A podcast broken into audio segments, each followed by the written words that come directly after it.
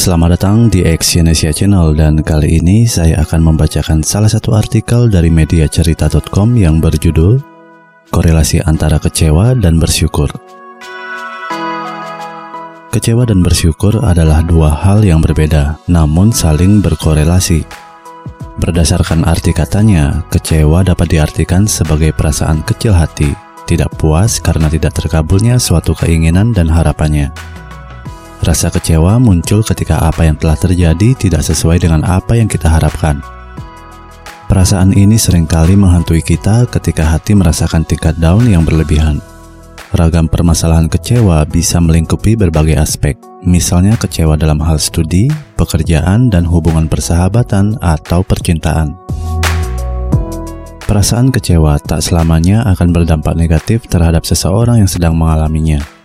Justru dengan adanya perasaan kecewa yang muncul akibat terjadinya suatu peristiwa yang tidak kita inginkan, hal ini akan membawa kita pada kondisi yang lebih baik. Mengapa demikian?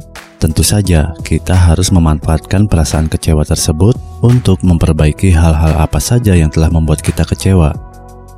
Misalnya ketika kita masih duduk di bangku sekolah, masih kuliah, ataupun saat kita sudah bekerja.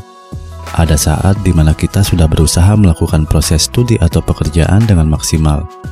Namun ternyata hasil akhir penilaian studi atau pekerjaan kita buruk. Pasti seketika kita akan merasakan rasa kecewa. Hal ini dikarenakan ekspektasi dalam hati kita yang sudah meyakini bahwa hasil akhir yang akan kita peroleh adalah baik. Di sisi lain, ekspektasi bukanlah suatu aspek jaminan yang akan membuktikan secara nyata tentang apa yang kita harapkan.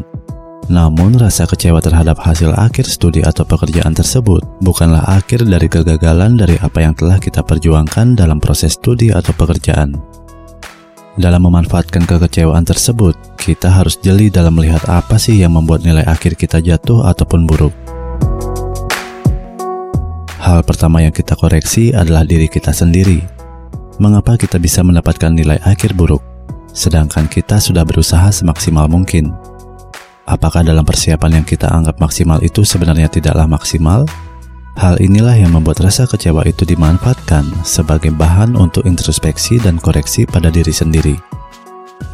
Adanya rasa kecewa ini, kita bisa memperbaiki kondisi di masa mendatang agar tidak timbul rasa kecewa di kemudian hari.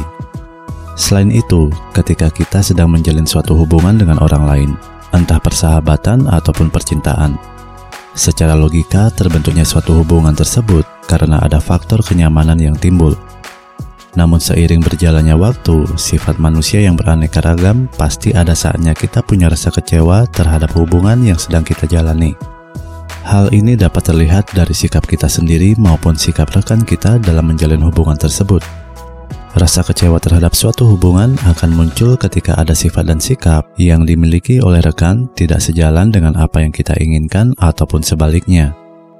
Tentu saja, hal ini menimbulkan konflik secara terus-menerus ataupun salah paham yang berlebih, sehingga hubungan persahabatan atau percintaan tersebut dapat berakhir.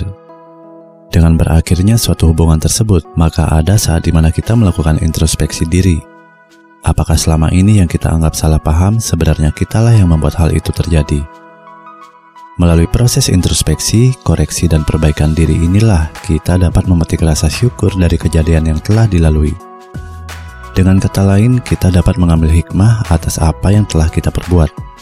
Hal ini dapat merubah diri kita menjadi seseorang yang lebih baik dalam menjalani suatu pekerjaan maupun suatu hubungan selanjutnya.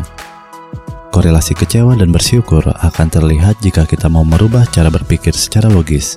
Karena di balik rasa kecewa, pasti akan ada rasa syukur yang kita tangkap dari sebuah kekecewaan yang terjadi. Terima kasih telah mendengarkan audio artikel ini dan silakan cek link di bawah untuk membaca artikel dari audio ini. Salam sukses.